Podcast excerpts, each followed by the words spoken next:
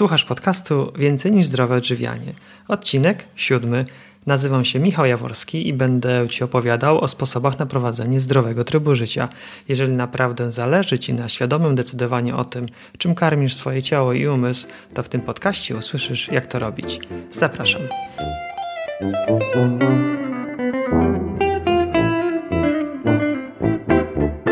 Cześć.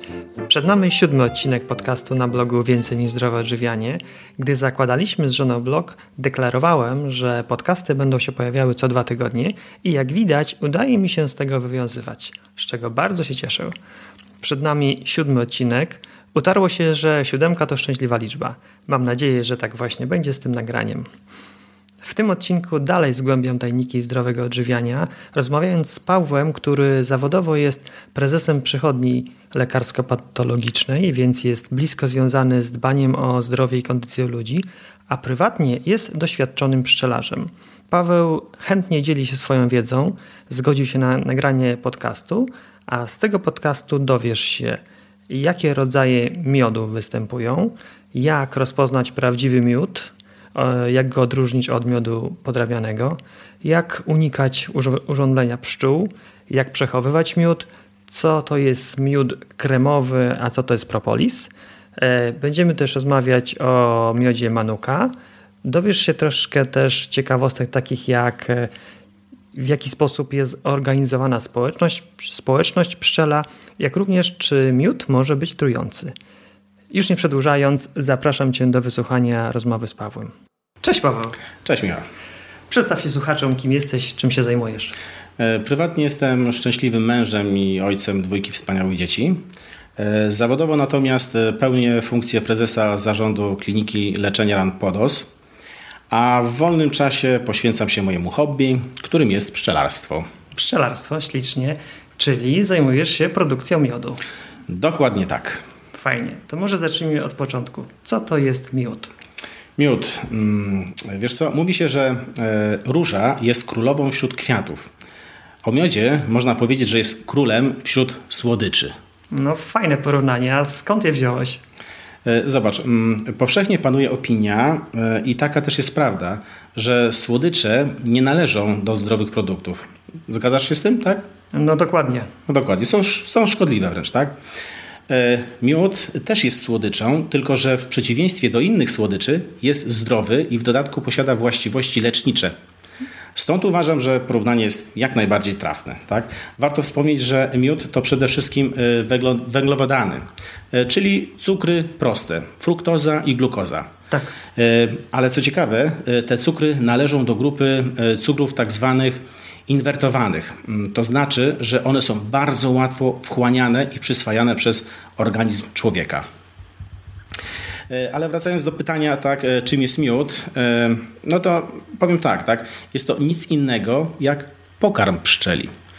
Ale dzięki swoim walorom smakowym zagościł w menu ludzi oraz w jadłospisie wielu innych zwierząt i owadów. Jest naturalnym, słodkim, pachnącym i zdrowym produktem spożywczym, wytwarzanym przez pszczoły. Jeszcze raz podkreślę, przez pszczoły, bez ingerencji człowieka. Jak to możliwe, że człowiek może ingerować w produkcję miodu? No właśnie, to jest zjawisko niestety coraz e, powszechniejsze e, w bardzo prosty sposób. E, słyszałeś zapewne o sztucznych miodach. Tak. Są ziołomiody, tak, a nawet jakieś tam sokomiody ostatnio powstały, tak. Mhm te zawiesiny, e, no bo inaczej nie mogę ich nazwać, tak?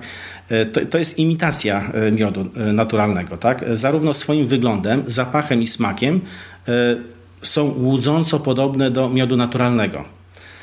Sztuczne miody powstają na skutek podawania w pasiekach syropów cukrowych. Czy to są cukry z buraków, czy, czy, czy, czy ze zbóż, które są następnie przetwarzane przez pszczoły I tak naprawdę te miody nic nie mają wspólnego z prawdziwymi miodami.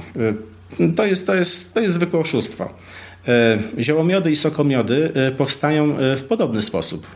Do syropu cukrowego dodaje się wywar z ziół i mamy ziołomiód, albo dodaje się sok z owoców i mamy wtedy sokomiód. A słyszałeś może o tym, że człowiek sam może wyprodukować miód bez udziału pszczół? Słyszałem o kilku sposobach, ale chętnie usłyszę to od Ciebie. Okej, okay, no to więc prosty przepis na podrobiony miód. Wystarczy nazbierać kwiatów mniszka lekarskiego, dodać cytrynę, zalać to wszystko rozpuszczonym cukrem w proporcji 1 kg na 1 litr wody, zagotować, ostudzić i mamy miód. Uwierz mi, naprawdę jest łudząco podobny do miodu naturalnego. E, tak, Paweł, ten miód znam. E, jako dziecko z rodzicami zbieraliśmy miszek i robiliśmy. Mhm. Natomiast ja pamiętam, że on, on, on jest świetny, on fajnie smakuje, natomiast w miarę łatwo było go odróżnić. Można było go odróżnić od, od tego naturalnego miodu pozyska, pozyskiwanego od pszczelarzy. Powiedz, bo mnie, mnie zaintrygowało to, co mówiłeś, mhm. że mm, w procesie produkcji można pszczołom dodać jakieś cukry lub coś innego i one z tego wyprodukują miód prawie, no w sumie można powiedzieć, że pszczeli. Czy taki miód można odróżnić od miodu, który powstał z pyłków? Oczywiście, że tak. Oczywiście, że tak. E, ja e, w, znaczy są e, dwie takie zasadnicze metody na rozpoznawanie miodu. Pierwsza polega na tym, że prawdziwy miód nektarowy czy też spadziowy w momencie, mm, kiedy nabierzemy go na łyżeczkę i, i go przelewamy, on się leje w stożek. Mhm. Natomiast e, jeżeli jest e, miód wykonany e, z cukrów, tak, czyli jest jak podrobiony, on się leje w taki dołek. Także to jest pierwsza, że tak powiem, metoda na rozróżnienie prawdziwego miodu od miodu sztucznego. Kolejny sposób na rozróżnienie sztucznego miodu od naturalnego mhm. to jest jego kolorystyka. E, tak? Sztuczne miody są idealnie klarowne. One są, one są naprawdę czyściusieńkie, przezroczyste. Natomiast naturalne miody, e, one, znaczy w nich można wyróżnić pewną taką barwę, taką, one nigdy nie są do końca takie przezroczyste. Widać takie, takie smugi, widać nawet drobinki wosku i to, jest to, to, są, to, są, to są metody, gdzie, gdzie, gdzie, można, gdzie można w prosty sposób y, odróżnić miód podrobiony od miodu y, sztucznego. Y, przepraszam, naturalnego. Czyli podsumowując, jeżeli mam miód, pod warunkiem, że on jest płynny, to wlewam go, żeby on tak powoli ściekał i powinien postawać stożek. Tak, tak, dokładnie tak. Jeżeli chcemy mieć jeszcze taką mm, większą pewność, mhm. to na przykład możemy zrobić test ołówka. Ciekawe, powiedz. Tak. E, wystarczy wziąć e, kilka kropel e, miodu naturalnego i spróbować ołówkiem coś na tej kartce narysować. Na naturalnym miodzie ołówek nie będzie rysował. Może delikatny zostawić ślad, natomiast jeżeli to będzie sztuczny miód, to ołówek zostawi wyraźny ślad. Mówimy, że bierzemy ten miód na, na grafit, tak? Na czubek. Dokładnie tak, na grafit i próbujemy coś, coś e, narysować na kartce. Jeżeli nie rysuje, to znaczy, że to jest dobry miód. Dokładnie tak. Dokładnie tak. No to mamy już trzy metody. Fajnie. Paweł, jak powstaje naturalny miód? Proces e, powstawania miodu wygląda mm, w ten sposób, że najpierw pszczoły zbierają nektar z kwiatów roślin lub spać, do swojego przewodu pokarmowego, gdzie pod wpływem wytwarzanych przez siebie enzymów pochodzących e, z gruczołów e, ślinowych e, zachodzą reakcje chemiczne, w wyniku których powstaje miód. Taki świeżo przetworzony miód trafia do woskowych komórek znajdujących się w plastrach w ulu, gdzie podawany, poddawany jest procesowi odparowywania wody. E, podczas tego procesu e, komórka jest otwarta, więc e, wpadają do tej komóreczki takie malutkie drobinki pyłku kwiatowego, no, który naturalnie znajduje się na, na pszczółkach zbieraczkach, gdzie wracają z, z pożytku i tam te drobinki troszeczkę sobie tam wpadają. Tak? Także w każdym miodzie są też drobinki pyłku kwiatowego.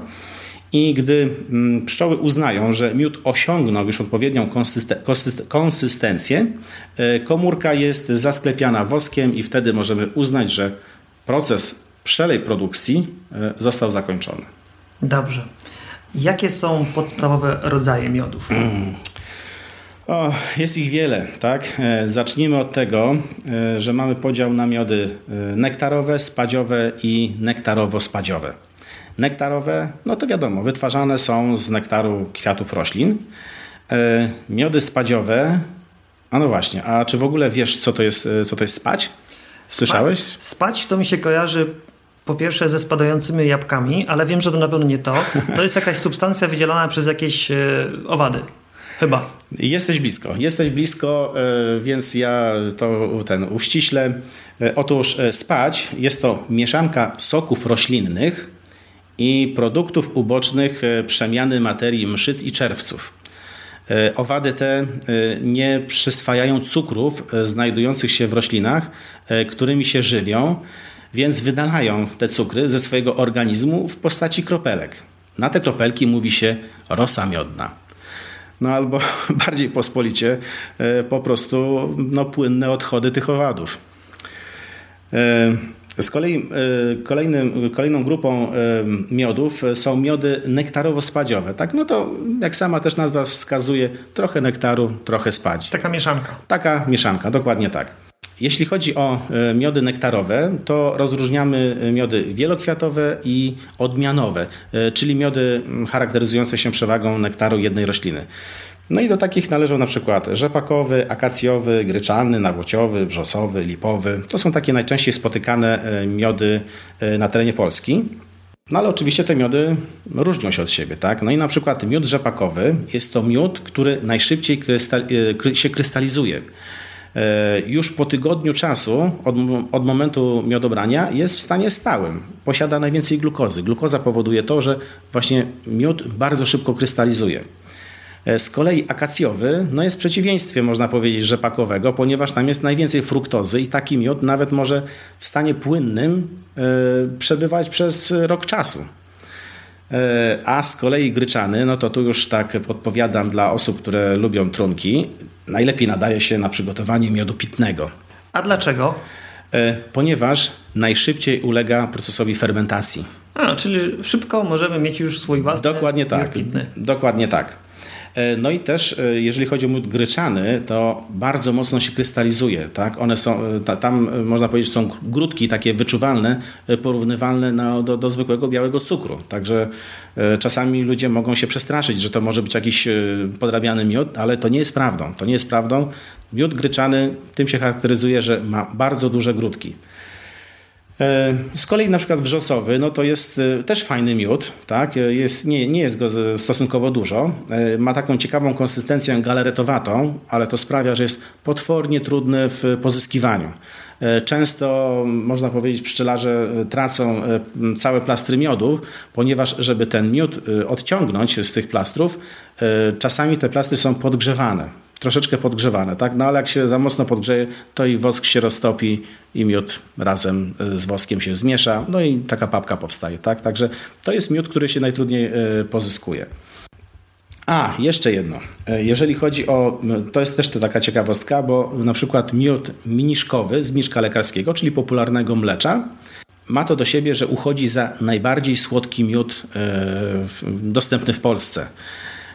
I ma jeszcze jedną właściwość jest bardzo twardym miodem. On się tak krystalizuje, że e, w ten sposób, że jak ja na przykład miałem taką przygodę, e, spróbowałem nabrać ten miód, bo to był sam czysty mniszek lekarski, spróbowałem nabrać go łyżeczką, no to niestety tą łyżeczkę powyginałem.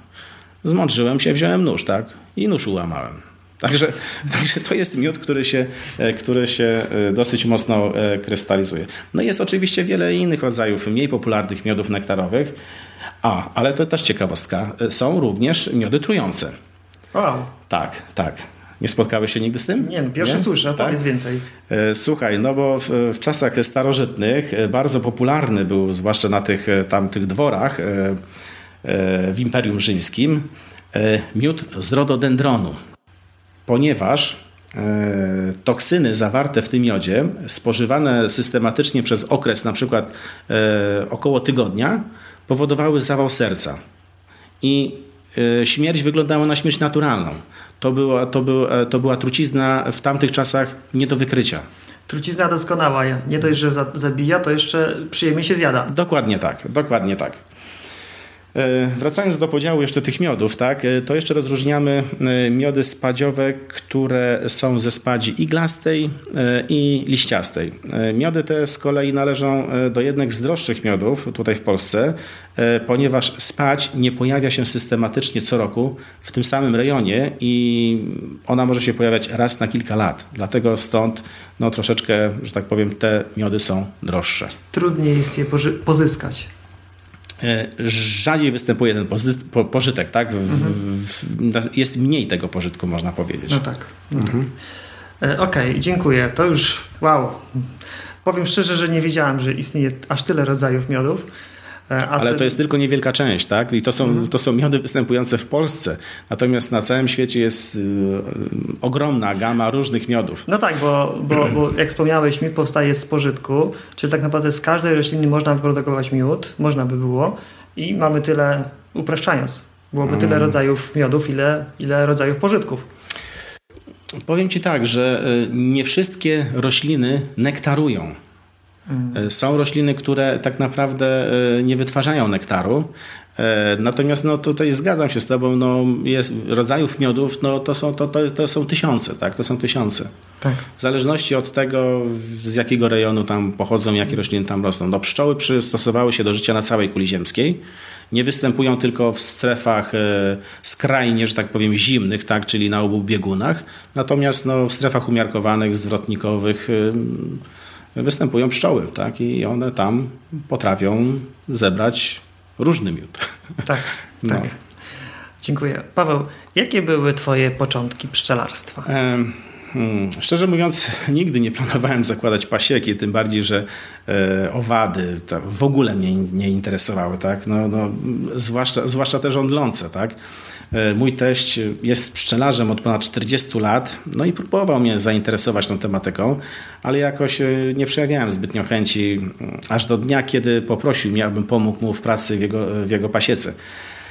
No i powiem Ci szczerze, że przekonałem się, że jest to naprawdę całkiem ciekawe zajęcie, tak? I częściej zacząłem przyjeżdżać na tę pasiekę, żeby tam zobaczyć, jak, jak, jak się pracuje z tymi pszczółkami.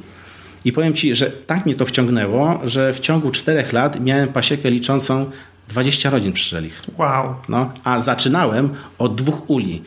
E, w kolejnym roku dokupiłem okazyjnie 18 uli, starych uli, później je remontowałem sobie przez cały rok. No i po zakończeniu remontów sukcesywnie zasiedlałem ule pszczołami.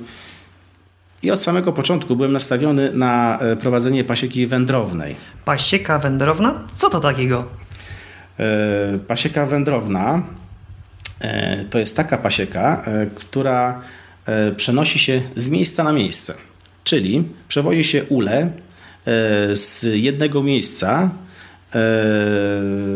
no już się powtarzam, do drugiego miejsca, tak, ale, ponieważ zależy to od rejonu występowania pożytku, tak, żeby jak najwięcej zebrać miodu, to trzeba zmieniać lokalizację. No bo na przykład, jeżeli w maju kwitnie rzepak, to pasiekę taką przewozi się w to miejsce. Natomiast rzepak no, kwitnie 2-3 tygodnie i kończy kwitnienie, już nie nektaruje. Tak? Natomiast na początku czerwca kwitnie akacja no to przewodzi się pszczoły do takiego miejsca, gdzie jest duża, duża ilość akacji. No i dzięki takim wędrówkom można zebrać o wiele więcej miodu niż z takiej pasieki stacjonarnej. E, pierwsze dwa lata przewoziłem ule, ale niestety zrezygnowałem z tej pasieki wędrownej, e, ponieważ no, zakupione przeze mnie te ule zupełnie się do tego nie nadawały. E, były za ciężkie, tak? One były masywne. Niektóre nawet potrafiły ważyć ponad 100 kg. Wow. No i często dochodziło do, do uszkodzeń tych uli, a nawet czasami e, dochodziło do tego, że e, gniazda się obrywały całe z miodem i z tymi pszczołami, no i powstawała taka, mm, taka maś miodno-pszczela, tak? W związku z tym zrezygnowałem z tego, gdyż te ule się kompletnie do tego nie nadawały. No i kolejna sprawa, taka pasieka wędrowna zajmuje o wiele więcej czasu niż y, pasieka stacjonarna. A ja niestety w tym czasie już y, nie mogłem więcej, więcej y, poświęcać się pracy na pasiece, ponieważ no, na tym cierpiała też moja rodzina, tak? bo ciągle mi nie było w domu. Ciągle tylko z tymi pszczołami. Okej, okay, to było wtedy. A jak to teraz wygląda? No właśnie, teraz mam pasiekę stacjonarną, No i powiem Ci szczerze, że ten rodzaj pasieki w zupełności mi odpowiada. Łatwiej jest mi przede wszystkim e, doglądać e, wszystkie moje pszczółki. Tak? Wszystko mam na miejscu, e, wszystkie narzędzia, urządzenia. Jest naprawdę jest, jest komfort pracy większy. Paweł, czy opieka nad pasieką to trudne zajęcie? No wiesz, jak z każdym nowym zajęciem, początki bywają trudne, mm, ale im więcej się wie, im więcej nabiera się doświadczenia i w dodatku sprawia ci to przyjemność, to prowadzenie pasieki nie jest e, aż tak skomplikowane, jak to się nam na samym początku wydaje. E, opieka nad e, pasieką wymaga od pszczelarza systematyczności i czujności, tak? ponieważ mamy tutaj do czynienia z wieloma czynnikami, które charakteryzują się dużym stopniem nieprzewidywalności. Mam na myśli głównie czynniki atmosferyczne pogoda ma naprawdę decydujący wpływ na życie i rozwój pszczół, a także na zbiory miodu. E, bo jeśli w okresie kwitnienia pożytku w tym czasie pada deszcz, no to pszczoły rzeczą naturalną siedzą sobie e, w ulu i, i po prostu nic nie robią, tak? nie wylatują na te pożyczki, na, przepraszam, na te pożytki. I wtedy nie ma co liczyć na udane zbiory. Jeśli natomiast lato jest zbyt suche, to rośliny słabo nektarują i również zbiory będą mizerne, Istotną e, e, kwestią jest to, że pszczoły należą do delikatnych stworzeń. E, one również chorują. No, pszczelarz musi uważnie obserwować zachowania rodzin i jeśli zauważy jakieś niepokojące objawy, musi podjąć odpowiednie działania, na przykład podanie odpowiednich leków. Tak? Kolejną ważną czynnością, na którą pszczelarz musi zwracać uwagę, to są tak zwane przeglądy gniazd pszczelich. E, no, w celu dostosowania przestrzeni gniazda do siły rodziny. Na wiosnę, kiedy następuje intensywny rozwój pszczół, e, powinno stopniowo dodawać się ramki e, późnym latem i wczesną jesienią powinno się stopniowo ramki likwidować, ponieważ pszczoły szykują się do zimowania i znacznie spada ilość pszczół w gnieździe. Jeśli na wiosnę nie poszerzylibyśmy e, stopniowo gniazda, rozwój pszczół bardzo by się spowolnił. A pszczoły, widząc, że jest e, zbyt mała przestrzeń życia, po prostu by się wyroiły. Tak? E, to znaczy, połowa roju opuściłaby taki ul. Na marginesie jest to naturalny sposób rozmnażania pszczół. Zaintrygowało mnie to, co powiedziałeś o rojeniu, bo ja pamiętam taką historię z dzieciństwa. Mhm. Poszedłem sobie na truskawki jako dziesięciolatek, przychyliłem się, zacząłem zrywać truskawki. To było południe, było widno. Usłyszałem takie buczenie i zrobiło się ciemno. Mhm. No, nie zupełnie ciemno, ale tak jakby jakaś duża chmura przy, przy, zasłoniła słońce. Mhm. Podniosłem głowę i zobaczyłem po prostu chmurę czarno pszczół. Tak. Bardzo groźnie buczącą. No jako dziesięciolatek po prostu uciekłem tyle, ile siły w nogach, pobiegłem do domu. Nie wiedziałem, co się dalej działo z tym pszczółkami, natomiast było to dla mnie no, bardzo groźne, groźne doświadczenie. Mhm. Powiedz, o co chodzi z tym rojeniem? Czy pszczoły są wtedy niebezpieczne, jak lecą? Po co one nic, lecą? Nic, nic bardziej mylnego, nic bardziej mylnego. E, tutaj masz rację, bo, e, bo rojenie właśnie e, wygląda w ten sposób, że nagle pojawia się e, zewsząd ogromna masa pszczół. E, tak jak na filmach pokazują, że to leci jakaś taka zwarta kulka e, tych pszczół, tak niby, niby przypominająca kometę. No, szczególnie na rysunkowych. To Dokładnie. To jest, e, to jest mit, to jest bajka. Tak? Jak rój leci, on tworzy naprawdę ogromną, ogromną chmurę, ponieważ w takiej chmurze może znajdować się nawet 25 tysięcy pszczół. Więc jest to naprawdę ogromna masa mhm. lecących owadów. E, I wcale mnie to nie dziwi, że, że, żeś, żeś się wystraszył i uciekł, bo podejrzewam, że większość ludzi by w ten sam sposób e, postąpiła. Natomiast pszczoły nie są, nie są takie groźne, bo nasze europejskie pszczoły nie należą do gatunków agresywnych. Paweł, ile czasu mniej więcej teraz zajmuje Ci opieka nad pasieką? E, no, staram się optymalizować czas pracy w pasiece. E, na początku, no, tak jak już wspomniałem, tak wiecznie mi brakowało czasu, e, ale to wiązało się przede wszystkim z tym, że nie miałem odpowiedniego wyobrażenia i robiłem wiele no, niepotrzebnych zupełnie rzeczy. Tak? Obecnie średnio roczna praca nad jedną rodziną zajmuje mi około 8 godzin. Mam na myśli tutaj takie czynności jak podkarmianie wiosenne i jesienne, przeglądy gniazd, podbieranie miodu, czyli łącznie można powiedzieć, że praca w pasiece zajmuje mi no, 8 dni roboczych. Czyli mam rozumieć, że tylko 8 razy jeździsz do tej pasieki w roku? nie, nie, oczywiście, że nie. Nie. E, nie oznacza to, że tylko jestem 8 razy e, do roku na pasiece. E, staram się, staram się być regularnie, przynajmniej co drugi tydzień, ponieważ no, lubię obserwować te pszczółki, tak? Nie bywam, faktycznie nie bywam na pasiece poza, znaczy w sezonie jesienno-zimowym, kiedy te pszczoły, pszczoły śpią i, i nic tam się nie dzieje, tak? to sobie ten, ten, ten czas odpuszczam. Natomiast e, warto, warto e, też wspomnieć, że praca na pasiece nie jest związana tylko przy, z pracą przy, pszczo, przy, przy pszczołach, e, ale również z dodatkowymi zajęciami typu, że na przykład trzeba naprawić ule, trzeba wykonać nowe ramki, trzeba pozyskać wosk, E, propolis, pyłek, tak, odwirować ten miód, odpowiednio go przetworzyć, znaczy nie przetworzyć, tylko zapakować w słoiki. Tak. Tak, także, także to, też jest, to też zajmuje e, tak. sporo, sporo, sporo czasu. Duża ilość takich zajęć e, wokół pasieki jeszcze jest. Dokładnie tak. Czy podczas prac w pasiece często żądlą Cię pszczoły? E, sezon pracy e, w pasiece bez chociażby jednego urządlenia jest czasem straconym. Nie, a tak na poważnie to owszem, e, zdarzają się ukąszenia, ale można, o, można do nich przywy, przywyknąć, choć to do przyjemnych doznań to nie należy. Tak? A, zagadka dla Ciebie. Czy wiesz, które miejsce jest najbardziej bolącym miejscem po ukąszeniu? Wow, pojęcia nie mam. Ucho? No, blisko, blisko. Nos. Nos. Nos, wow. tak. Trzeba uważać, bardzo chronić nos, bo jednak odczucia bólowe w tym miejscu są największe. A wiesz to z własnego doświadczenia? E, nie, nie. To akurat tą informację uzyskałem e, na kółku pszczelarskim. Ale to dobrze, to jeszcze wszystko przed tobą. E, no, staram się nie dopuścić do tego.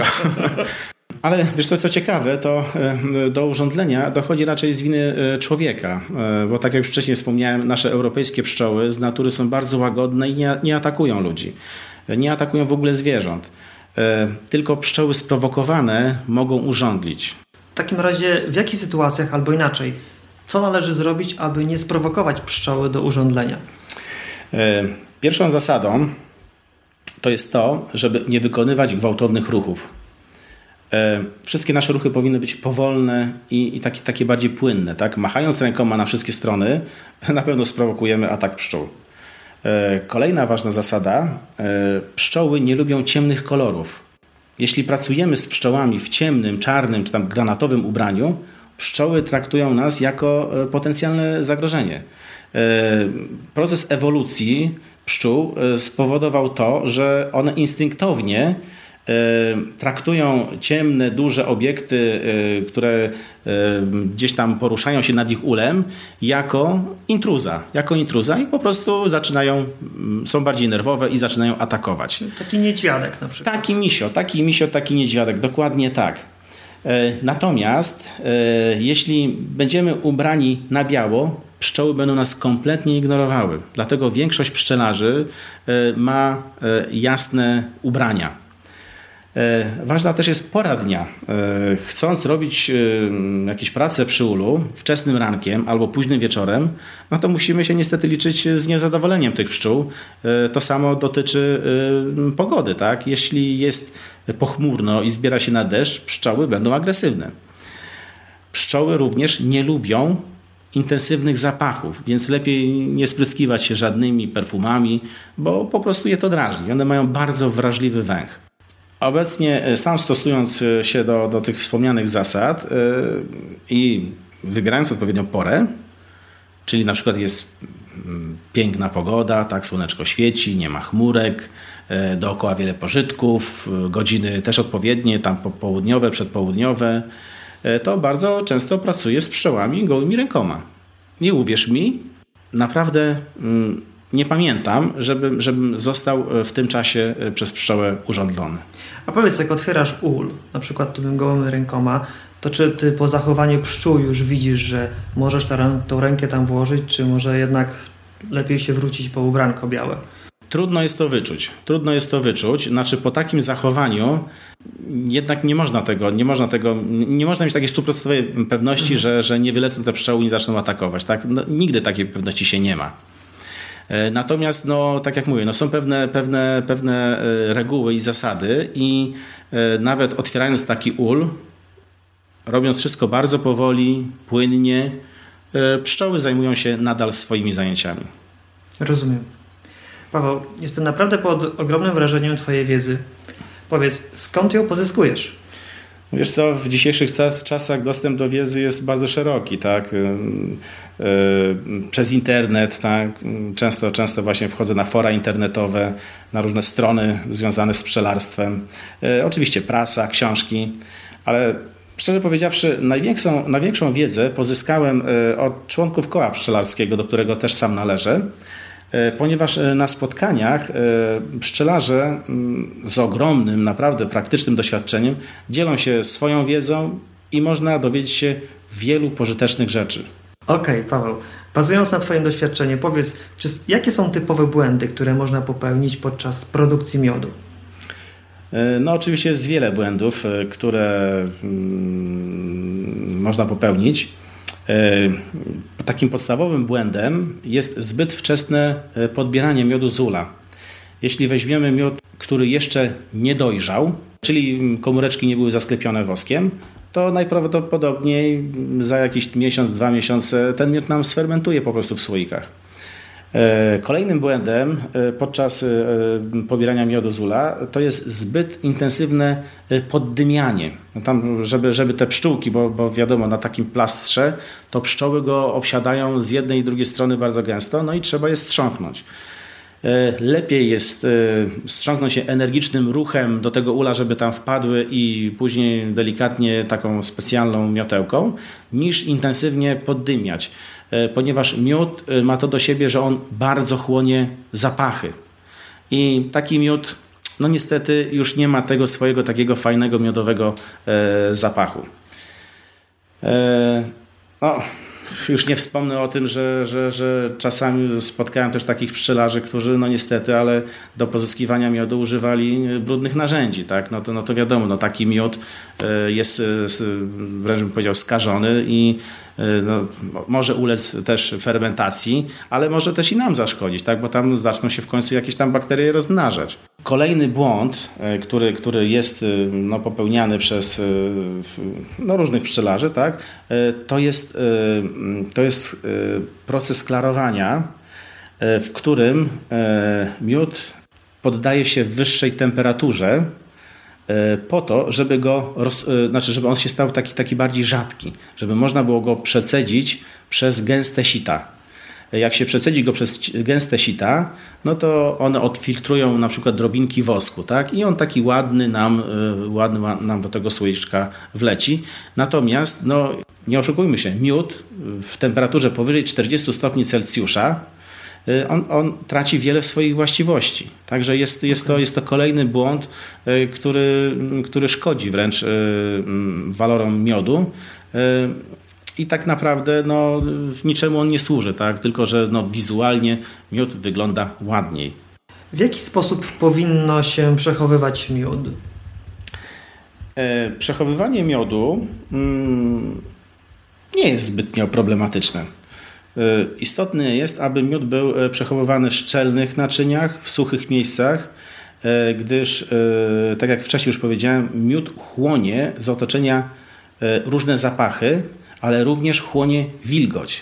Miód powinno się trzymać w temperaturze no, nie, przekraczającej temperatury pokojowej, ponieważ no, jak będzie temperatura już powyżej tam 25 stopni, to Mm, może dojść do wzrostu aktywności enzymów, co z kolei może spowodować fermentację.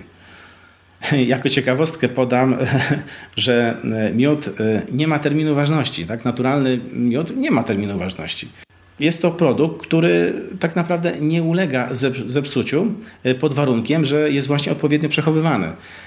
Nie wiem, czy wiesz, ale w grobowcu jakiegoś tam faraona naukowcy odnaleźli miód, który miał ponad 2,5 tysiąca lat i nadawał się do spożycia. Wow, no niesamowite.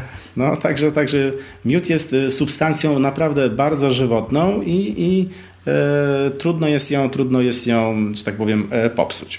Ciekaw jestem, co zrobili z tym miodem, jaką cenę uzyska na aukcji. No, to jest, to jest ciekawostka. No, myślę, że raczej ten miód jednak pozostał w muzeum. Wielka szkoda. No tak.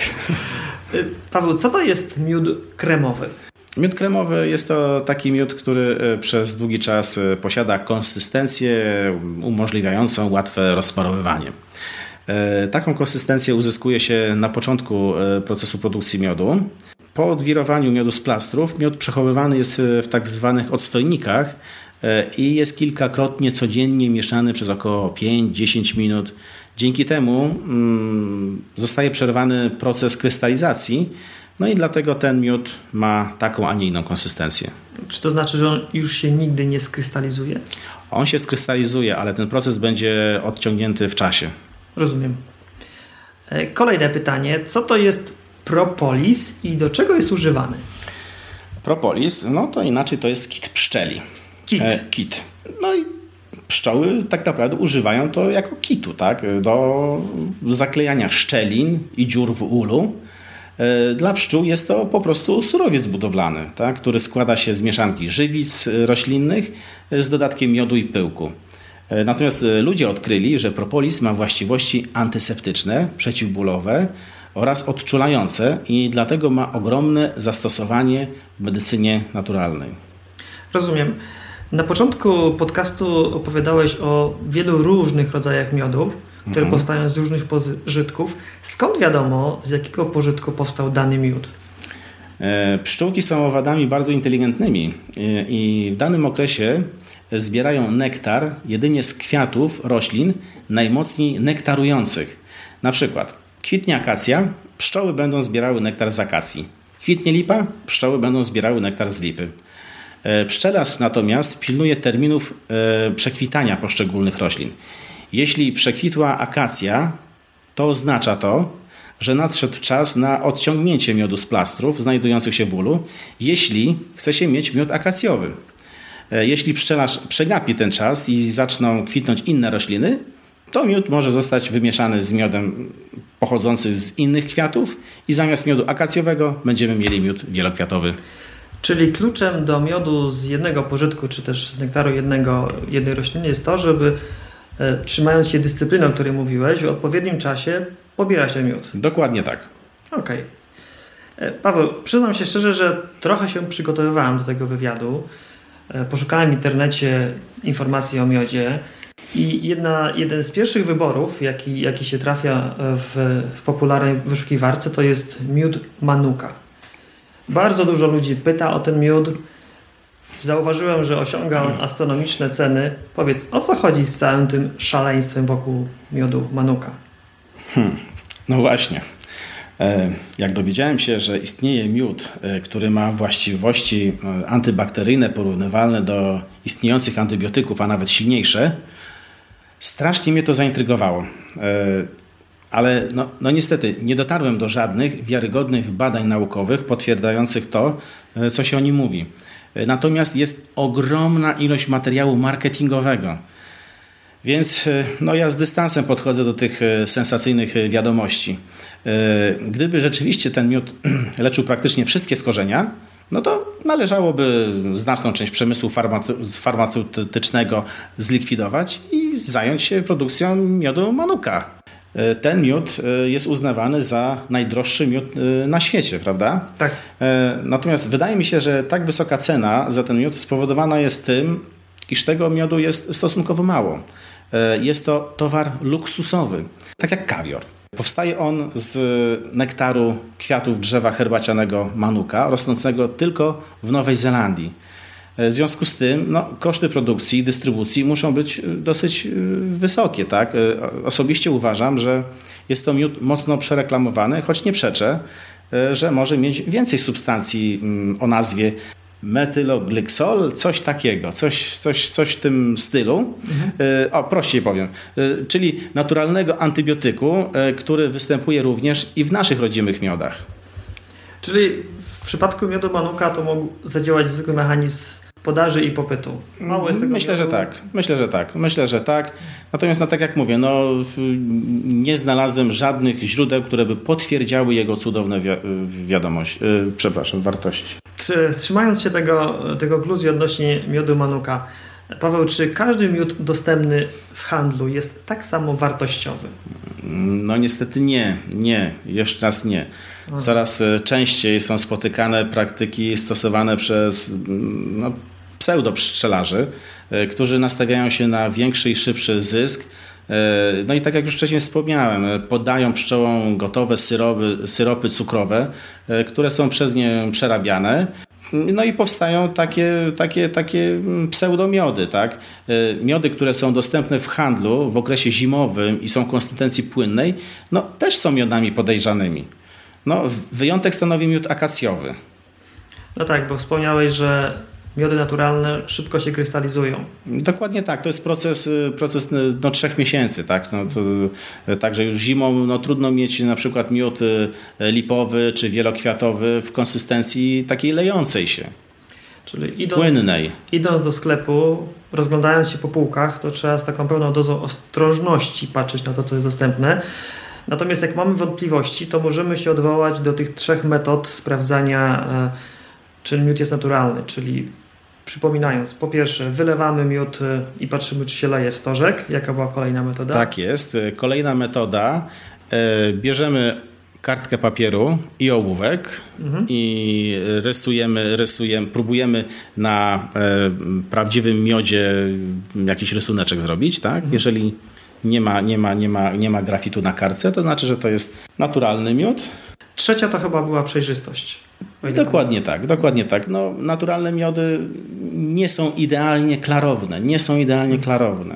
One... Chociaż wspominałeś o procesie klarowania, że przez jakieś gęste sita się przelewa, tak? No dokładnie tak, ale to wtedy też ten miód, też nie mamy gwarancji, że ten miód nie stracił w tym procesie swoich e, właściwości. Czy tak naprawdę Ponieważ on jest podgrzewany, żeby przez te wszystkie cieniutkie, e, malutkie, malutkie e, otworki w sitku, żeby ten miód zatrzymał mm, na przykład drobinki wosku. Tak, czyli trudno już, już tu mówić o produkcie naturalnym, on już jest wstępnie przetworzony.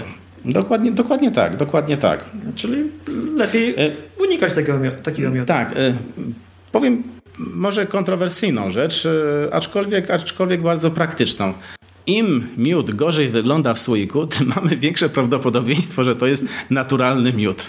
Pod warunkiem, że nie jest fermentowany. Pod warunkiem, że nie jest fermentowany, dokładnie tak. Jeżeli widzimy jakieś wikwity takie e, białe, tak, śmiało możemy go brać, bo nikt w tym miodzie, że tak powiem, e, nie dokonał e, żadnych procesów e, przeobrażeniowych tego, tego, tego miodu, tylko on jest po prostu w takiej czystej postaci naturalnej. Ale to jest cenna uwaga. Im, im, im, im, im gorzej wygląda ten miód, mówimy tu właśnie o takich wykwitach, czyli krystalizacji, pewnie po rozpoczęciu procesu krystalizacji, tym większe szanse, że on jest pełnowartościowy. Autentyczny, dokładnie tak. Dokładnie tak. Fajnie.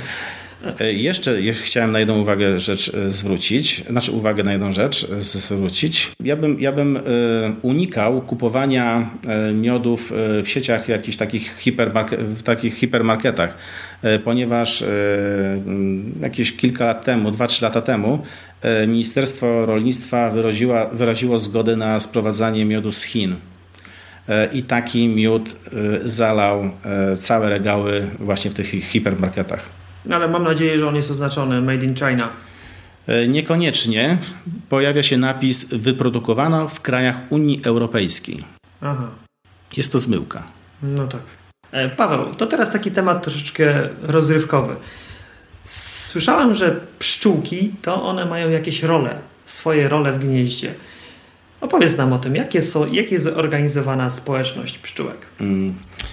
No dokładnie tak. E, powiem Ci też, że to jest no, bardzo feministyczne społeczeństwo, ale naprawdę świetnie zorganizowane. E, rodzina pszczela składa się z jednej matki królowej, z pszczół i trutni, czyli panów pszczółek. Tak? Matka królowa odpowiedzialna jest za utrzymywanie więzi wspólnoty oraz za rozmnażanie. Tak? Potrafi, wyobraź sobie, w ciągu doby złożyć około 2000 jajeczek.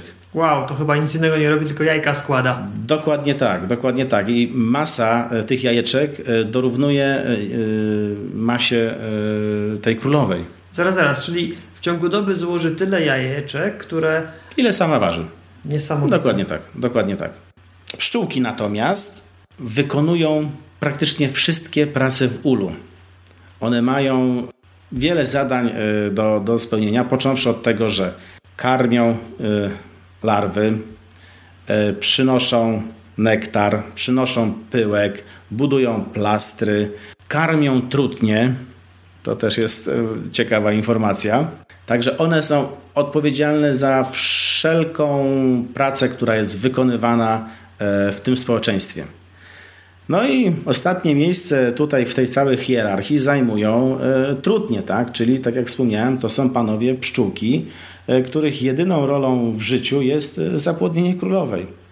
Po czym stają się kompletnie bezuteczne. I giną. I giną. Nie, przepraszam, nie giną, nie giną. One e, giną w pewnym okresie, ale to zaraz to powiem. Mhm. Natomiast chciałem, ci, chciałem się ciebie zapytać, czy, czy zdajesz sobie sprawę, ile w takim jednym ulu, ile taka, rodzin, ile, ile taka rodzina może liczyć osobników? A to łatwe.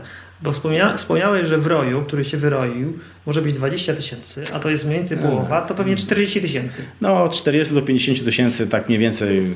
Zgadza, no, zgadza się. No, zgadza się. Królowa y, żyje najdłużej, y, bo y, nawet do 5 lat. Pszczółka, mamy, mamy dwa rodzaje pszczółek, tak? Są to pszczółki letnie i zimowe. Pszczółka letnia to, to odwala, że tak powiem, całą tą robotę w ciągu, w ciągu roku E, znaczy w ciągu całego okresu zbierania pożytków i budowania całego gniazda, e, ale żyje tylko około 36-40 dni. Jejku, królowa 5 lat, a pszczółka miesiąc? Dokładnie tak. Ponieważ ona ginie tak naprawdę z wyczerpania. Mhm. Jej organizm bardzo szybko się zużywa. Ona, ona jest y, no, tak zapracowanym stworzeniem, że po prostu nie ma czasu odpoczywać. No i i ginie, niestety. Pszczoły zimowe z kolei żyją około 6 miesięcy, e, ponieważ one tak naprawdę skupiają się tylko i wyłącznie na ogrzewaniu królowej i na karmieniu jej. Trudnie z kolei żyją około 50 dni. Czy to prawda, że pszczoła po ukąszeniu ginie? Tak, tak, tak. E, królowa jako jedyna z pszczół może żądlić wielokrotnie, ponieważ ona ma proste żądło. Ale, to też ciekawostka, e, ona używa żądła tylko w walce z inną matką. Natomiast jak pszczelarz weźmie matkę e, na rękę, to nie odnotowano przypadków, żeby ta matka e, pszczelarza urządliła. Jak taka matka wygląda? E, jak jest młoda matka, ona jest troszeczkę, ona jest wąska i długa. Ona jest dłuższa o jakieś, o połowę ciała normalnej pszczółki. Natomiast gdy ona już no, ma 2-3 lata, to wręcz jest podobna do szerszenia. Taki długi odwłok ma? Taki długi odwłok i jest taka, taka, taka potężna, potężna, potężna pszczółka. I jak wyciągasz miód, to łatwo jest znaleźć tą królową, czy ona jest jakoś ukryta? Spróbuj w, e, w społeczeństwie 50-tysięcznym odnaleźć jednego osobnika. No tak. Życzę powodzenia. Nie, są sposoby. Są sposoby, ponieważ e, matki e, hodowlane, które się kupuje, są z reguły e, znaczone takim specjalnym oznacznikiem, e, takim, takim jaskrawym, tak, że na przykład na czerwono, na niebiesko, na biało. E, w związku z tym no, to ułatwia pszczelarzowi odnalezienie tej matki. Natomiast wracając do Twojego pytania a propos tego żądlenia, tak, to tak jak wspomniałem, tylko królowa może wielokrotnie żądlić. Natomiast no, pozostałe pszczoły po urządleniu giną. Tak, giną. E, na skutek uszkodzenia organów wewnętrznych, ponieważ e, żądełko jest haczykowate i pozostaje z reguły w ciele intruza. Tak. A pszczółka sobie odlatuje i niestety uszkadza sobie te organy wewnętrzne. Trudnie natomiast, czyli panowie, no niestety nie mają żądeł. Mało tego, nie mają odpowiednio, odpowiednio e, wykształconych aparatów gębowych, co skutkuje tym, że nie potrafią samodzielnie się odżywiać.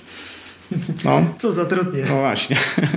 E, karmieniem trudni e, zajmują się panie pszczółki.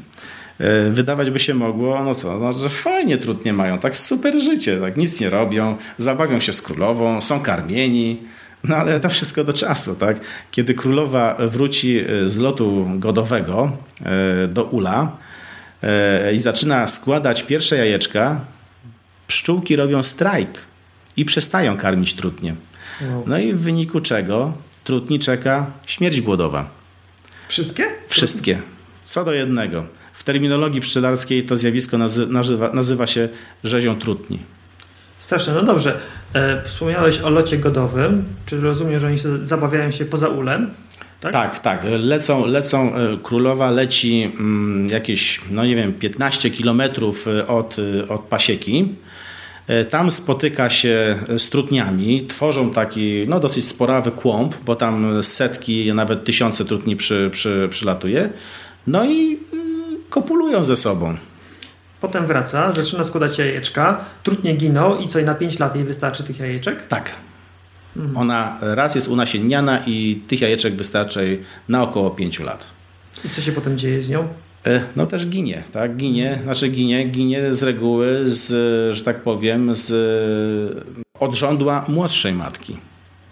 Konkurentka się pojawia. Konkurentka się pojawia, tak. No jak już jest stara, no to ginie. E, czasami bywa tak, że jeżeli e, mm, królowa zbyt, że tak powiem, opieszale składa jajeczka, to pszczółki taką pszczołę matkę likwidują. Zakładają mateczniki tak zwane ratunkowe i hodują kolejną królową. Jak to same są w stanie wyhodować królową? Dokładnie tak. Wyobraź sobie, że o, o tym, czy z danego jajeczka wykluje się pszczoła, truteń czy matka, decyduje sposób, w jakim ta larwa jest karmiona. Mhm. Od, w zależności właśnie od tego pokarmu będzie albo to będzie pszczółka, albo to będzie truteń, albo to będzie matka. Paweł, wspomniałeś, że ile masz teraz uli? Teraz mam 20, e, natomiast, natomiast zasiedlonych jest, jest 10. Okej. Okay. 10. Czy zamierzasz rozbudowywać jeszcze tę pasiekę? E, wiesz co, nie, nie, nie zamierzam rozbudować swojej pasieki. E, z prozaicznego powodu, tak? Nie mam, nie mam na to wystarczająco dużo czasu. Mhm. E, natomiast zamierzam troszeczkę zmodyfikować tę swoją pasiekę i będę rezygnował z tych uli masywnych, e, stacjonarnych, które są e, obecnie na mojej pasiece, na bardziej takie funkcjonalne ule wielkopolskie. Ponieważ te ule są naprawdę o wiele wygodniejsze i poręczniejsze w obsłudze. Rozumiem. Paweł, czy hodowla pszczółek i produkcja miodu jakoś Cię zmieniła? Miało to wpływ e, na, na moją postawę, e, jeśli chodzi o sprawy związane z samą organizacją. E, przyglądając się pracy tych owadów, zdałem sobie sprawę, jak bardzo pracowite i pożyteczne są to stworzenia. Naprawdę wcześniej, no w życiu sobie nie, nie, nie zdawałem sobie sprawy, jak, jak te pszczoły potrafią ciężko pracować i, i tworzą naprawdę wspaniałe wspaniałe y, konstrukcje, tak? Bo wyobraź sobie, że każda komóreczka w kształcie sześcianu jest o, o idealnych wymiarach y, na wszystkich plastrach. To, to, to, są, to, są, to, są, to są te same wymiary i one nie mają żadnych przyrządów. Tak? Nie mają żadnych przyrządów, po prostu one y, biorą i budują. To jest, to jest, to jest coś niesamowitego. Konstrukcja z wosku pozwala utrzymać e, na takiej jednej ramce około nawet 3 kg miodu. Przecież wosk jest bardzo kruchusieńki, tak? A jednak tak potrafią to zrobić, że jest w stanie do 3 kg miodu na tym, na tym, na tym wosku yy, ta ramka wytrzymuje, ta konstrukcja wytrzymuje. Także to jest też ogromny fenomen. Powiem Ci tak, gdyby ludzie z takim zaangażowaniem podchodzili do wykonywania swoich obowiązków, jak te pszczółki, to naprawdę mielibyśmy wszechobecny dobrobyt. Czyli, no. czyli w, podglądając pszczółki można szukać inspiracji dla siebie i tego, dokładnie, jak, dokładnie. jak pracować. No powiem Ci szczerze, nauczyło mnie e, to e, jednej istotnej rzeczy. E, znaczy praca z pszczołami i obserwacja tych pszczół. Tak, że jeśli coś robisz, to rób to do końca. Tak, jak najlepiej potrafisz. No to, to pięknie powiedziane. No. Podpisuję się pod tym obydwoma rękoma. A poza tym, a poza tym przebywanie na świeżym powietrzu oraz ukoszenia od czasu do czasu no, pozytywnie wpływają na moje samopoczucie i stan zdrowia. No. Tak, słyszałem, że te ukoszenia to na reumatyzm, no, e... tam przy, przy, przeciwdziałają, ale to tak jakaś raczej jakaś mądrość ludowa. E, Paweł, e, a jak hodowla pszczółek i to, że, że, że pozyskujecie miód, wpłynęła na życie Twojej rodziny? No przede wszystkim wyeliminowaliśmy praktycznie z życia w 100% cukier. Nasze dzieci jedzą bardzo mało słodyczy, rekompensując y, sobie słodkości miodem. No oczywiście nie zajadają się garściami, ale spożywają go w rozsądnych ilościach, tak?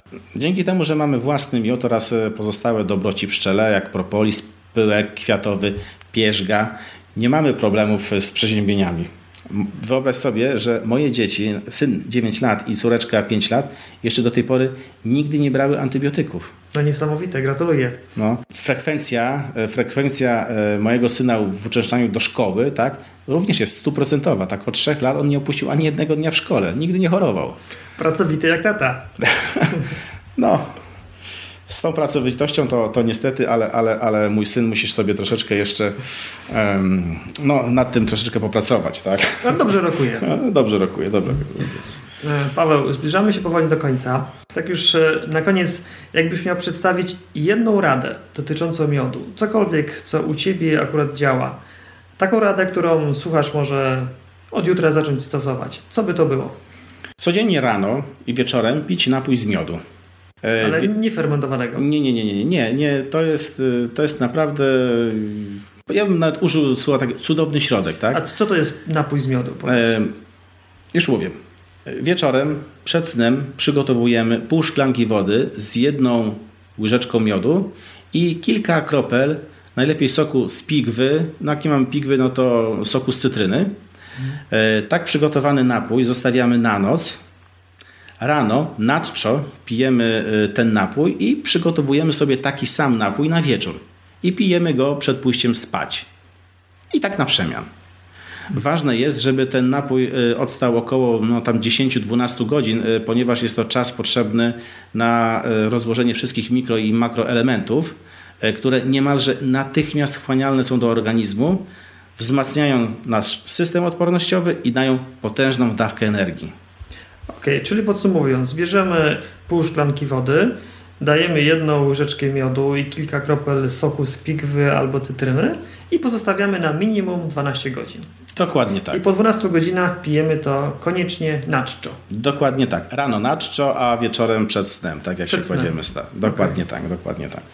I to wzmacnia nasz system odpornościowy. No, tak jak wspomniałem, y, moje dzieci, moje dzieci w ogóle y, nie biorą antybiotyków. No, co prawda tam jakieś tam przeziębienia bywały, tak? Natomiast no, y, ja uważam, że dzięki temu napojowi, tak, to, to, to taki mają, że tak powiem, odporny organizm, mhm. że im to wystarcza, nam też to wystarcza. Świetnie. I myślę, że wielu osobom też to No to bardzo pomoże. cenna rada. Dziękuję. Paweł, już zupełnie na koniec. Czego mogę Ci życzyć na przyszłość? Hmm. Zdrowych, silnych pszczół oraz udanych miodobrań. Wspaniale, więc Paweł, życzę Tobie zdrowych, silnych pszczół, udanych miodobrań i żeby ten system odpornościowy był coraz silniejszy.